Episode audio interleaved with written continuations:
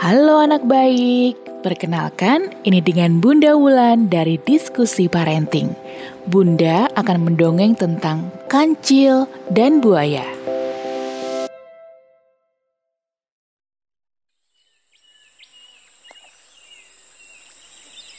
Suatu hari, ada seekor kancil yang sedang berjalan-jalan di dalam hutan untuk mencari makanan. Di tengah jalan, dia harus menyeberang sungai yang dihuni banyak sekali buaya besar yang sangat lapar. Kancil pun berpikir sejenak. Kemudian dia mendekat ke tepi sungai. Hai buaya, apakah kamu sudah makan siang? Tanya kancil dengan suara yang dikeraskan.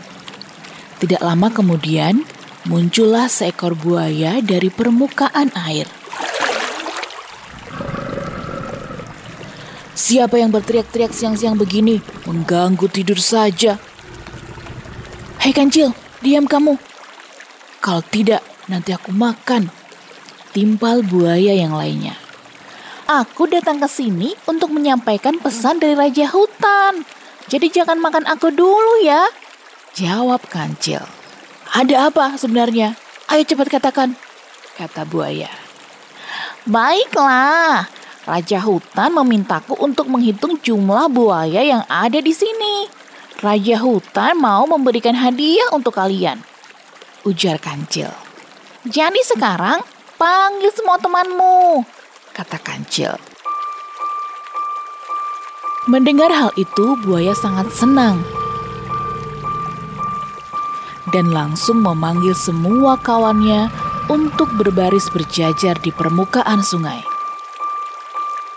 Namun, mereka semua ternyata hanya ditipu oleh si kancil.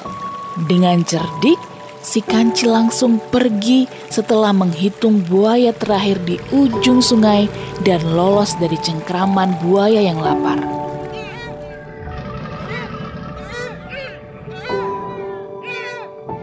Kisah kancil dan buaya ini mengajarkan bahwa kecerdikan dapat mengalahkan kekuatan, meskipun berada di situasi sesulit apa pun. Meski begitu, berbohong juga tidak dibenarkan, ya. Simak terus dongeng Bunda Wulan di channel Spotify Diskusi Parenting dan bisa baca ceritanya di kolom dongeng diskusiparenting.com.